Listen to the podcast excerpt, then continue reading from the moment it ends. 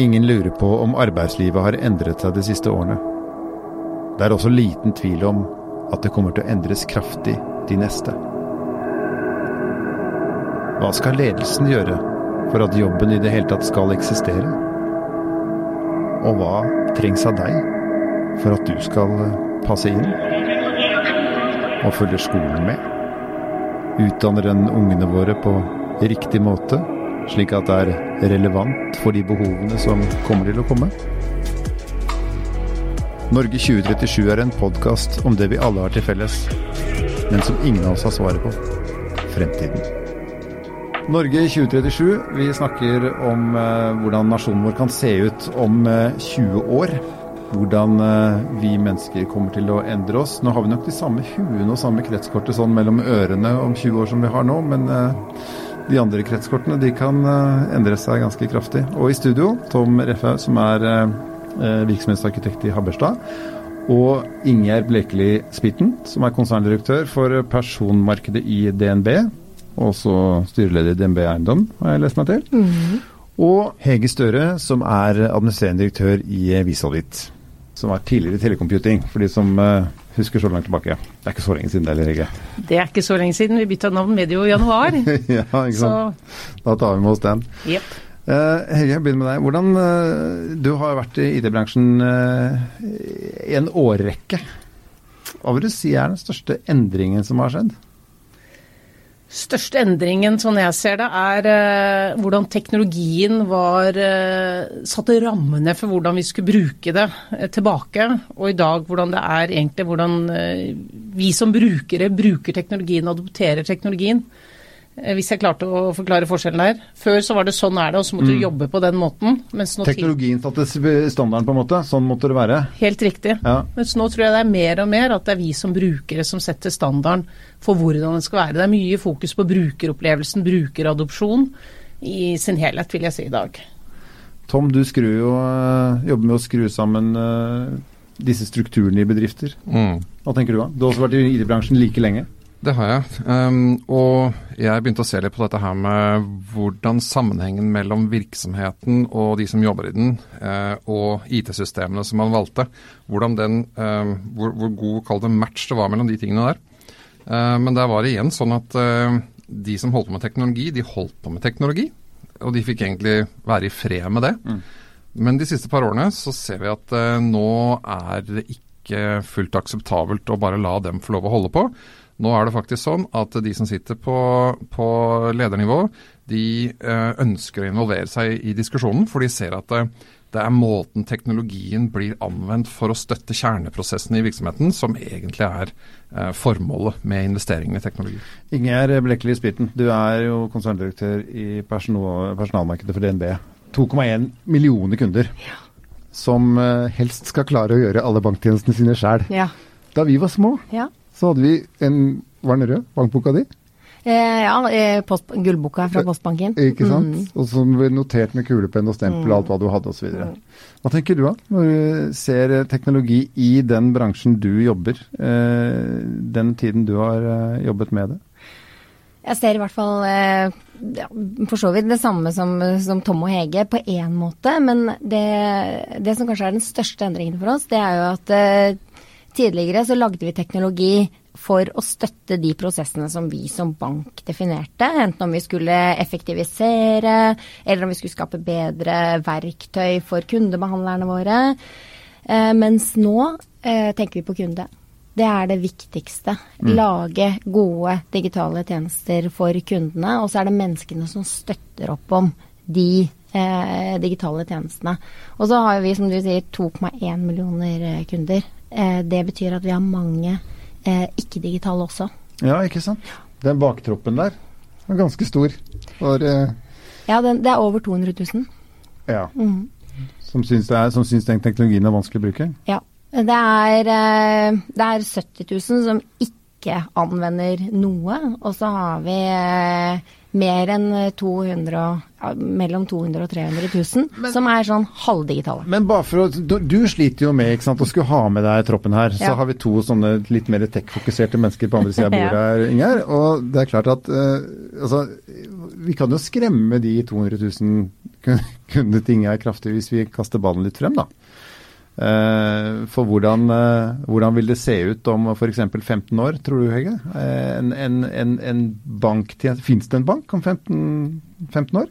Eller er det bare sånn Tom har penger og jeg vil låne, og så er det et eller annet system som bare ordner? Jeg tenker at bankvesenet har egentlig startet den reisen veldig mye selv nå. og Så tror jeg noen andre er bedre til å si hvordan det måtte bli. Men at det blir mer eh, selvbetjening, automatisering, og at tjenestene blir tilpasset hvilket behov vi har, det tror jeg på. Det er ikke jeg som kommer aktivt og går ut og søker hva jeg trenger. Jeg tror bankene etter hvert blir veldig godt kjent med hvordan jeg som bruker er, og hva ja. jeg har behov for. Mm. For eh, i hvert fall for mitt eget vedkommende, jeg har ikke vært i en bank på 20 år.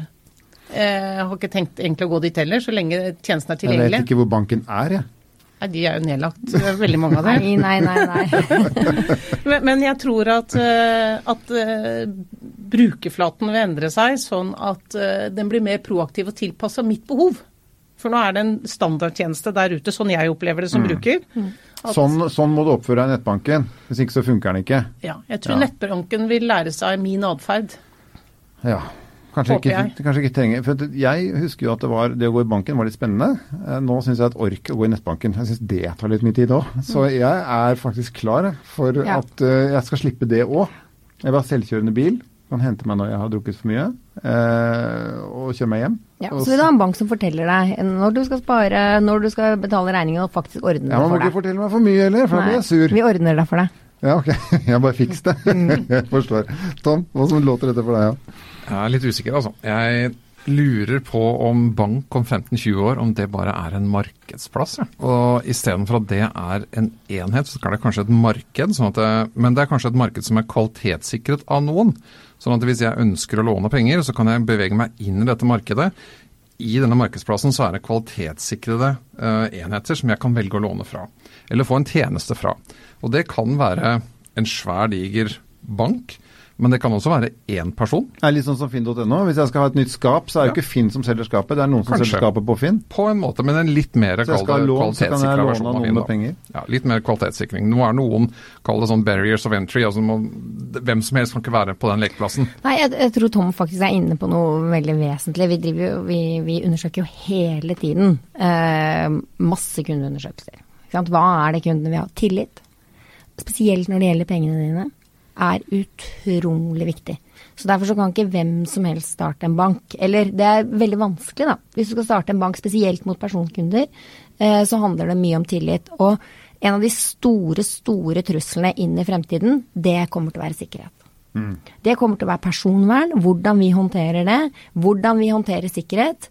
Eh, og eh, hvordan vi klarer å lage gode tjenester som faktisk du opplever som nyttig. Hvis ikke så gidder du ikke å være hos meg. Mm, helt riktig. Men det kan jo være lag også. Jeg sier at nei, nå skal jeg gjøre noe som ikke handler om så mye penger. Jo, men da blir jeg mindre redd. Da blir du mindre redd. Men hvis jeg f.eks. da begynner å bli en gammel mann, da, så jeg har to millioner kroner til overs mm. Eh, som jeg har lyst til å låne bort, og så syns jeg du får så dårlig rente hos deg, mm. så jeg har lyst til å låne bort det. får du ikke. Jeg går på en, jeg går på en eller annen børs, og så låner jeg bort, som, som, som Tom sier. Jeg går på liksom bankenesfinn.no, mm. og så låner jeg bort de pengene. Og så er jeg villig til å ta en grad av risiko for en grad av øh, oppside.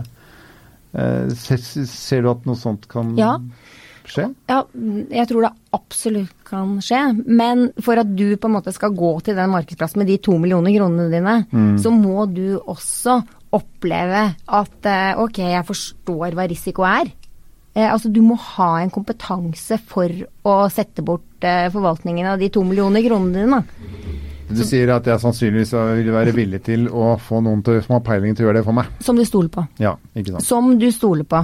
Altså, jeg er usikker på om vi kommer til å utvikle oss. Du, du sa noe om hjernene våre kommer til å være de samme i innledningen her. Mm. Kommer vi til å, ut, kommer vi til å synes det er så gøy, alle vi, eh, å sette oss inn i nettopp akkurat eh, den utfordringen? Mm. Eller kommer vi til å synes det er eh, morsommere å bruke tida vår på Facebook? Altså, tabloidisere litt, da. Ja, ja, Men kommer hjernene våre til å endre oss så mye at vi kommer til å være så utrolig mye mer interessert i å forstå eh, hvordan vi skal eh, administrere pengene våre.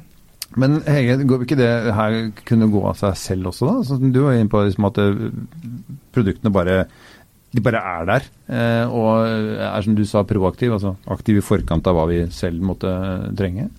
Ja, jeg sitter og tenker på, Vi snakker 2037, det er om ja, 20 år. Mm.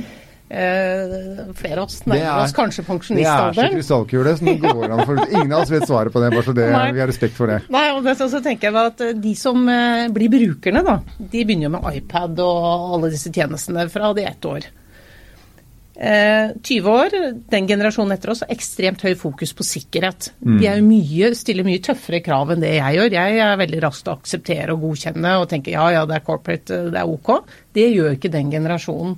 Så jeg tror framover nå så tror jeg kommer til å være ekstremt høye krav på sikkerhet.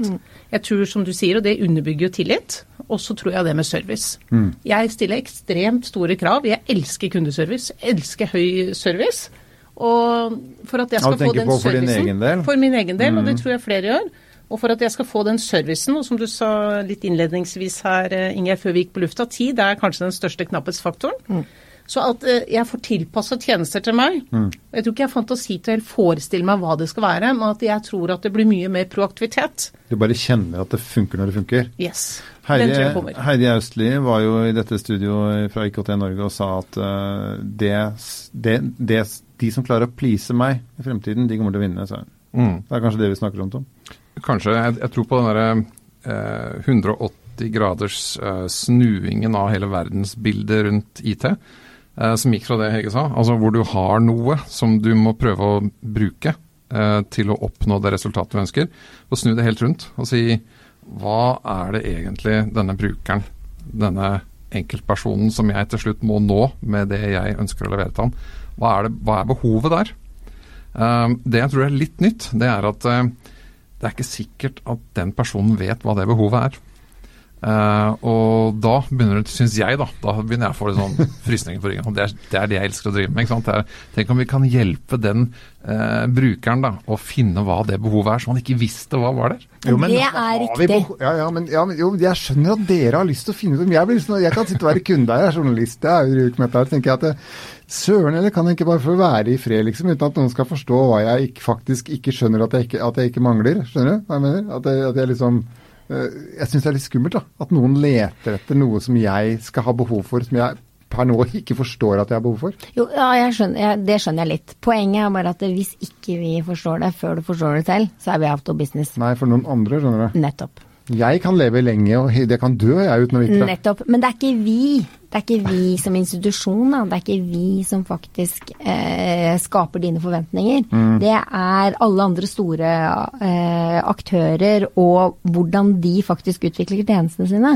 Så det er klart at eh, for oss, hvis ikke vi er interessert i eh, å identifisere dine behov før du skjønner at du har dem sjøl, eh, så er det noen andre som gjør det.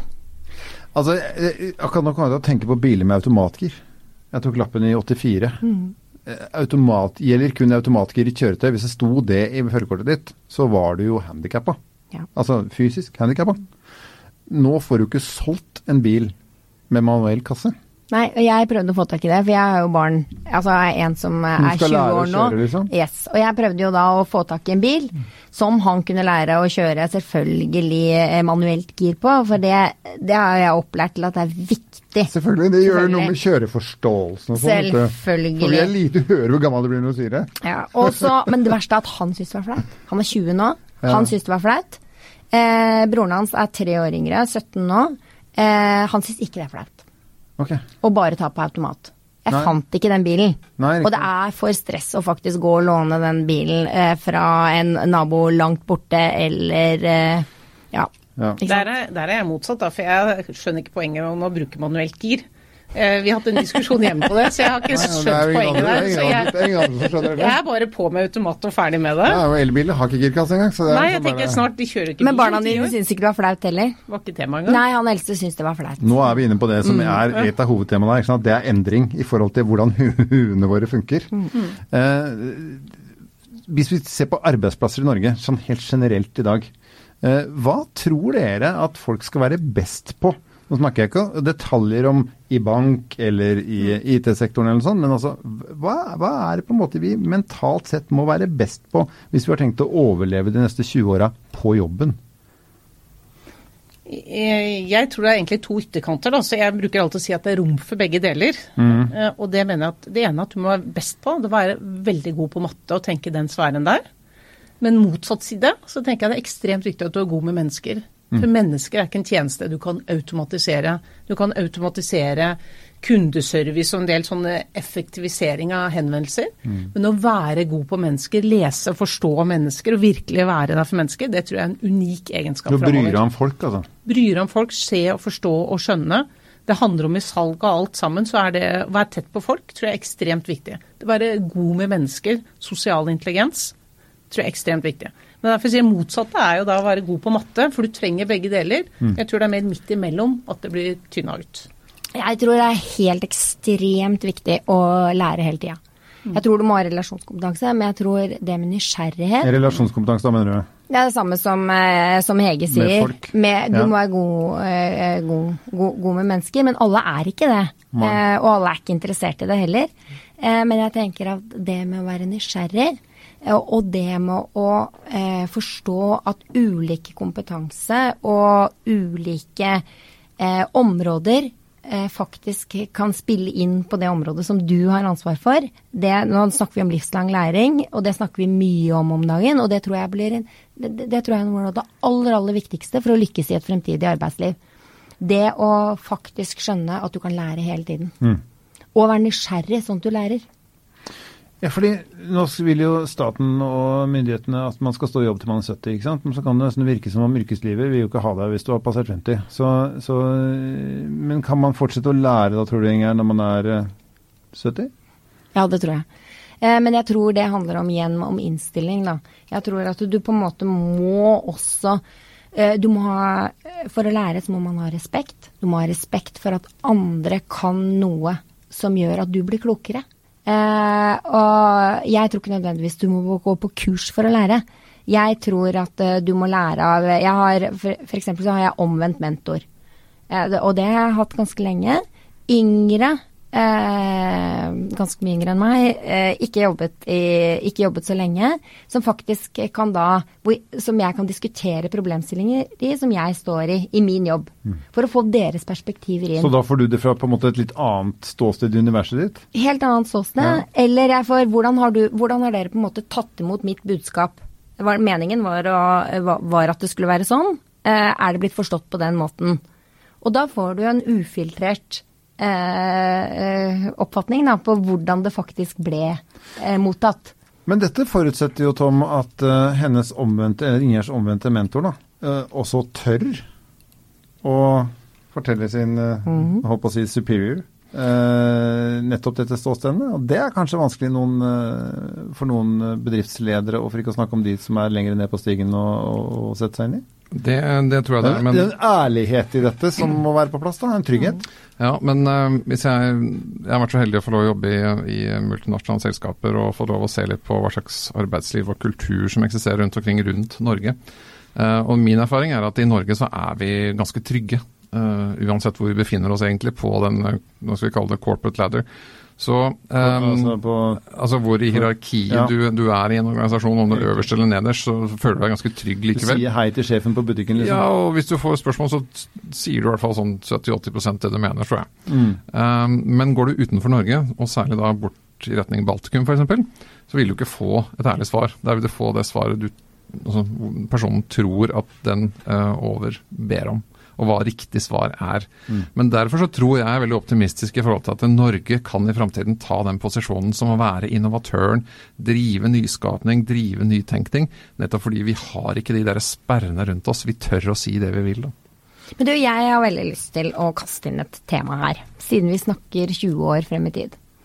Og da, eh, hvordan er skolen i dag eh, rusta til å faktisk eh, utdanne de eh, menneskene som vi skal eh, som- skal møte den fremtiden? Er, men er ikke faktisk skolen ganske lik den som vi hadde Jo, når vi den, gikk på ligner, den ligner veldig. Det har vel Du får vel til og med de samme avgangsfagene på videregående, ja, faktisk. Ja, jeg tror også du får lærebok i IT, som er laget på papir og trykt for 68 år siden. Mm. Så absolutt. Og dere er bedriftsledere begge to. Og dere har- unger. Føler dere at de eh, blir skodd på den måten eh, som gjør at dere tenker at yes, disse folka vil vi ha en døren om eh, x antall år? Jeg tror utdanningssystemet er litt satt ut på flere områder nå, basert på at faget Det har vært et fag som heter IKT ved siden av, da. Jeg tror vi må få det integrert i alt hva de gjør på skolen hele veien. Så tror jeg at uh, altfor få mennesker som utvikles og får kompetanse innenfor IT i sin helhet. Det er altfor få ressurser. Vi har, vi, har, altså vi har, foreldreaksjoner i Norge som vil at barna skal legge fra seg alle devices før de går inn på skolen. Skolen skal være et device-fri område.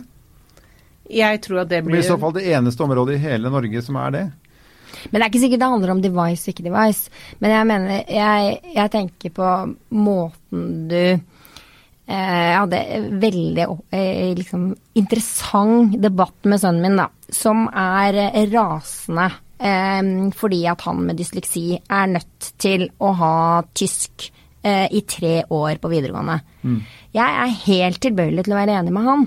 Eh, hvorfor skal han lære seg det, i stedet for å bare ha engelsk til eh, første gym? Som er et språk han kommer til å ha bruk for, garantert, i hele arbeidslivet.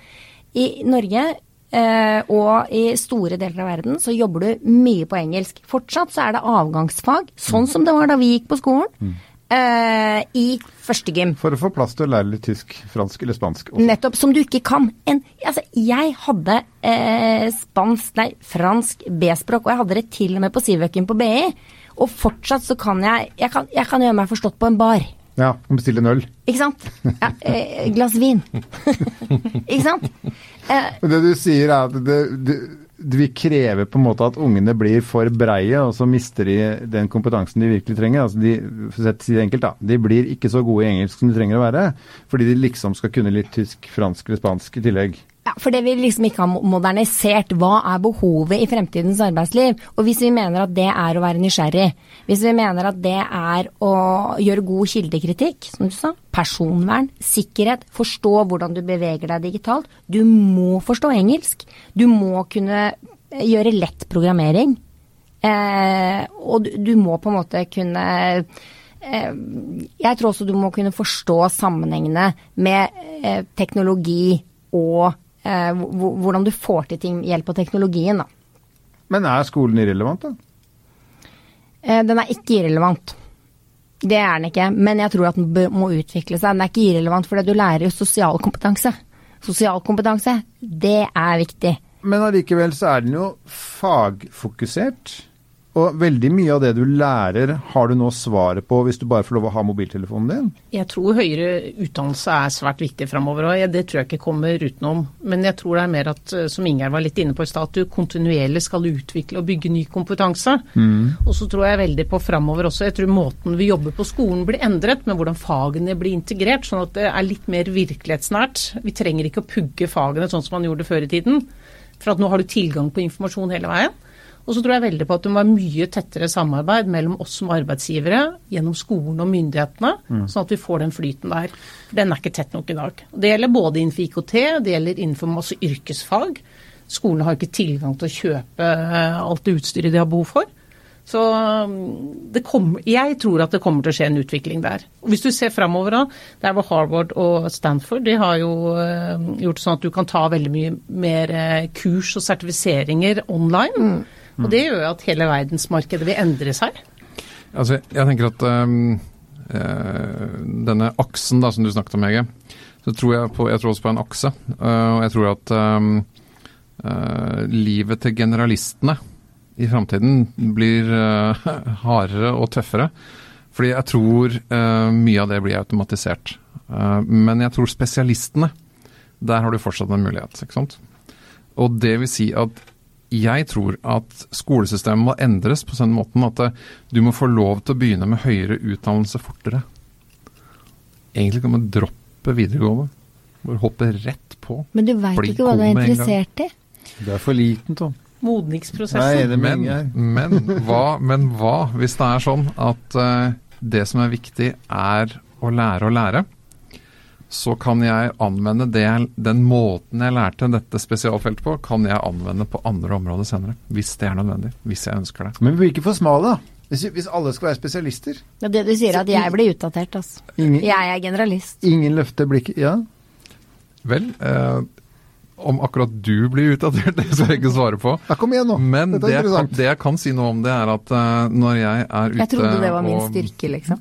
ja, kanskje, kanskje, når du kommer på et visst nivå. Men kanskje styrken er da å innse at uh, på enkelte områder så trenger du spesialister til Ja, å utfylle det. definitivt. Så, så jeg driver med, da med rådgivning, uh, og eh, jeg merker at jeg kan ikke svare med trygghet på alt jeg blir spurt om lenger, for å si det sånn. Jeg trenger å sjekke det svaret med noen. Eh, Så Derfor så tror jeg på den derre teamtilnærmingen, hvor du setter sammen folk som er flinke på hvert sitt område, og så får du de sammen til å finne svaret. Eh, Men det tror jeg på. og da er det egentlig, hvis, hvis du kaller den personen som kaller det leder det teamet, da, for en generalist, så er vi kanskje enige. Men jeg, jeg, jeg tror ikke det er en generalist. Jeg tror det bare er en person som er god til å få disse spesialistene til å jobbe sammen. Og det er jammen en spisskompetanse, det også. En dirigent. Mm. Det er jo ikke noe dårlig eh, spisskompetanse, det. Nei. Selv om, det, selv om dirigenten fikser hele orkesteret. Ja, men jeg tror som sagt på nysgjerrigheten, jeg, da. Eh, og det, han- det handler om noe av det som du sier, Tom. Men det der med å på en måte ha respekt for nettopp det du ikke kan. Eh, og da søke de som kan det, eller det som kan det, eh, for å, å verdiøke din egen kompetanse. Det tror jeg er eh, helt avgjørende. Så det er en ydmykhet, da. Altså, nå sitter jeg her sammen med et par direktører og en virksomhetsarkitekt, og så hører jeg egentlig at dere snakker om en veldig sånn herre eh, ydmykhet og mottakelighet over grenser som ikke bare er faglige, men som kanskje også er mellommenneskelige på alle måter. Som en måte å på en måte få kunnskapen til å smitte hverandre på og, og utvikle oss videre på. Er det, er det riktig observert? At det er i de små tuenes og småkongenes tid er liksom litt forbi? Må vi Ja, det tror jeg. Sånn sjefsjefen, liksom. Tøffe sjefen som sitter her og forsvarer tua si. Han er ferdig, han. Ja, Den har ikke jeg noe tro på heller, så det er jeg helt enig på Ingjerd på. Du er mer en lagspiller, en teamspiller for å flytte framover og få tak i eh, ulik kompetanse, ulike profiler. Jeg tror jo beinhardt virkelig på diversity, og det gjelder på alle områder. Eh, og så tenker jeg at Vi lever i et høykostland, så jeg tenker at vi er fantastisk heldige da, som, eh, som bor i Norge, eller på denne delen av jordkloden. Og, og akkurat nå Og akkurat nå, det er våren her alt sammen. Ja, du tok det så lokalt, ja. Ja, ja, ja. Jeg tenkte oljenæringen og sånn. Nei da, det var ikke det jeg tenkte på. Jeg tenkte mer at det er et høykostland, så vi tvinges jo til å tenke nytt. Ja. Hvis du tar, hele, tar Norge da, med startup-selskapene som har kommet nå, det gir en fantastisk mulighet. Det gjør jo at det, folk blir stimulert, vi tenker nytt, vi tenker annerledes. Og vi må gjøre det, vi tvinges til det, for lønningene er for høye her. Er vi selvgode nå, eller er vi inne på noe? Jeg sier jo ikke at vi har svaret, jeg bare sier Nei, jeg spør, jeg spør åpent, fordi Ja. det er klart at vi har et, vi har et trygdesystem, et velferdssystem, som gjør at vi kan ta sjansen. Mm. Vi kan sette oss på kaffebrenneriet og prøve å komme og klekke ut en idé, istedenfor å eh, kjempe for å få mat i magen. Altså, det er klart at det er en ressurs. Mm. Eh, men tror vi at Norge er i en særstilling nettopp pga. sånne ting? At vi kan bruke tid på å få til noe? Jeg tror jo at det gjør at folk tør å ta litt mer sjanser generelt. For vi har jo sånn sett et system da, som eh, er et sikkerhetsnett, selv om det er ikke det man ønsker at det skal bli brukt som. Men uh, uten tvil så tror jeg det stimulerer faktisk til at vi tør å tenke litt annerledes. Ja, for det er jo ganske Jeg er litt usikker på det. Okay. Jeg er um, litt usikker på om vi på en måte Om det syv puter, som du sier, da. Kan bli late av det. Ja. Uh, om på en måte um, det gjør at du altså ikke må jobbe så hardt eh, for at du, du faktisk skal lykkes da, eh, med en startup. Eh, så er det ekstremt hardt arbeid. Det er ikke å sitte på en kafé sånn som eh, du Jeg eh, prøvde- jeg prøvde meg på. Ja. Eh, det er, men det tror jeg er en romantisert eh, følelse, fordi at det er en oppfatning eh, blant mange òg. Du ser jo nå mange undersøkelser hvor de sier at det å jobbe i en startup er kanskje det du ønsker deg mest av alt, fordi at man har en romantisert følelse av hva det er. Det er så beinhardt, eh, og ikke minst for de som da lykkes, da. Eh, sånn at eh, Derfor så tror jeg at det, det er kanskje vanskeligere å lykkes eh, med eh, startups i Norge. Eh, fordi at du nettopp har det. Er du virkelig villig til å gi alt det som eh, skal til, da? Folk går ikke i kjelleren, liksom, for de må ikke. Altså, du, du må konkurrere internasjonalt for å lykkes. Mm. Altså, det nytter ikke å altså, noe, lykkes, noe er sikkert nok i, i, Norge, og det er klart at det, eh, du kan lykkes med en fantastisk eh, liten kafé eh, og være fornøyd med det. Men hvis vi snakker om tech og, og, IT og lykkes, så må du lykkes å kunne skalere på verdensbasis, da. Eh, og da, da er jeg usikker på om vi har en konkurransefordel. Okay. Ehm, jeg er helt enig at det er beinhardt arbeid, bare så ikke det blir misforstått. For de som lykkes, har virkelig jobba. De mm. investerer hele livet sitt i det. De risikerer jo alt sammen. Så det er jeg 100% enig i. Men jeg tror at eh, etter uh, oljekrisen som var for litt, for litt, siden, så har det skjedd et eller annet. Uh, for vi må, vi tvinges til å tenke annerledes. Og rett og slett fordi vi er et høykostland, og alt handler om å effektivisere. I min bransje, din bransje. Automatisere, effektivisere, men kundeservice og alt skal være top notch hele veien. Så, så, vi er jo nødt til å tenke annerledes. Vi kan ikke fortsette å tenke sånn som vi gjorde i går, for da stopper vi opp. Og da at det kommer opp mye startups-miljø, er med å stimulere det, da. At vi tør å utfordre og tenke litt nytt og annerledes, i større grad kanskje enn hva vi gjorde tidligere. Mm. Vet du hva? Den dissensen der syns jeg er såpass deilig at han har lyst til å avslutte på. For da kan folk tenke sitt. Er det bra å bo i dette landet om 20 år fordi vi har det sånn vi har det og har muligheten til å gjøre alt, eller blir vi så sløve at vi ikke kommer til å utnytte det? Takk skal dere ha. Ingjerd Blekeli Spiten og Hege Støre. Tom, vi ses igjen senere. Det gjør vi.